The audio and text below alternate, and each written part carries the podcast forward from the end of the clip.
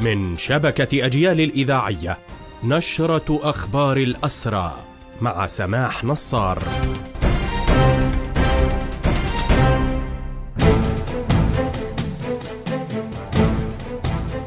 أهلا ومرحبا بكم إلى هذا اللقاء.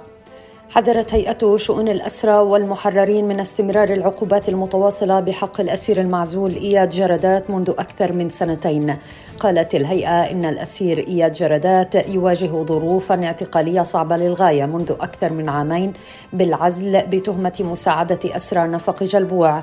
وحكمت عليه محكمة الاحتلال حينها هو وأربعة أسرى آخرين بسجن لأربع سنوات إضافية.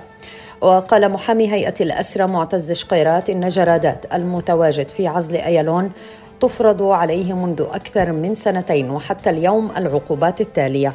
منع زيارات لمدة 11 شهرا يتم تجديدها. وكذلك الحرمان من الكانتين. الحرمان من الكهربائيات. التحقيق في مركز الجلمة. وكذلك أمضى أكثر من أربعين يوما في الزنازين. يضاف إلى ذلك العقوبات المالية الكبيرة وإدخال أسرى يعانون من اضطرابات نفسية إلى زنزانته يشكلون خطرا على حياته وتم ذلك أكثر من ست مرات خلال العامين الماضيين.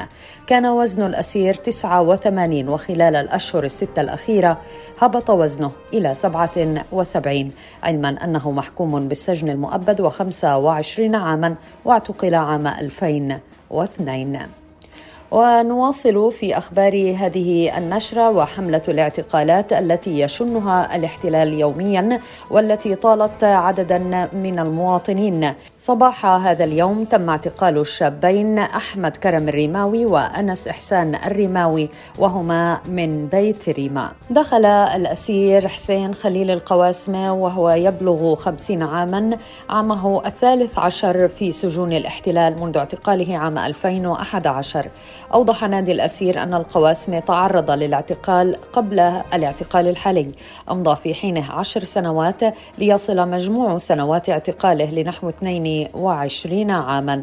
له ثلاثة أشقاء آخرين معتقلين في سجون الاحتلال هم حسام ومحمد وحجاز القواسمة علما أن حسام محكوم بالسجن المؤبد ثلاث مرات وهم أشقاء لشهيدين هما مراد وأحمد القواسمة بهذا مستمعينا تنتهي هذه النشرة الخاصة بأخبار الحركة الأسيرة قدمناها لحضراتكم من راديو أجيال. اليوم ارتقى شهيد برصاص الاحتلال وذلك خلال اقتحام قرية زواتا في نابلس والمجد للشهداء والحرية لأسرى الحرية. تحياتي سمح نصار وإلى اللقاء.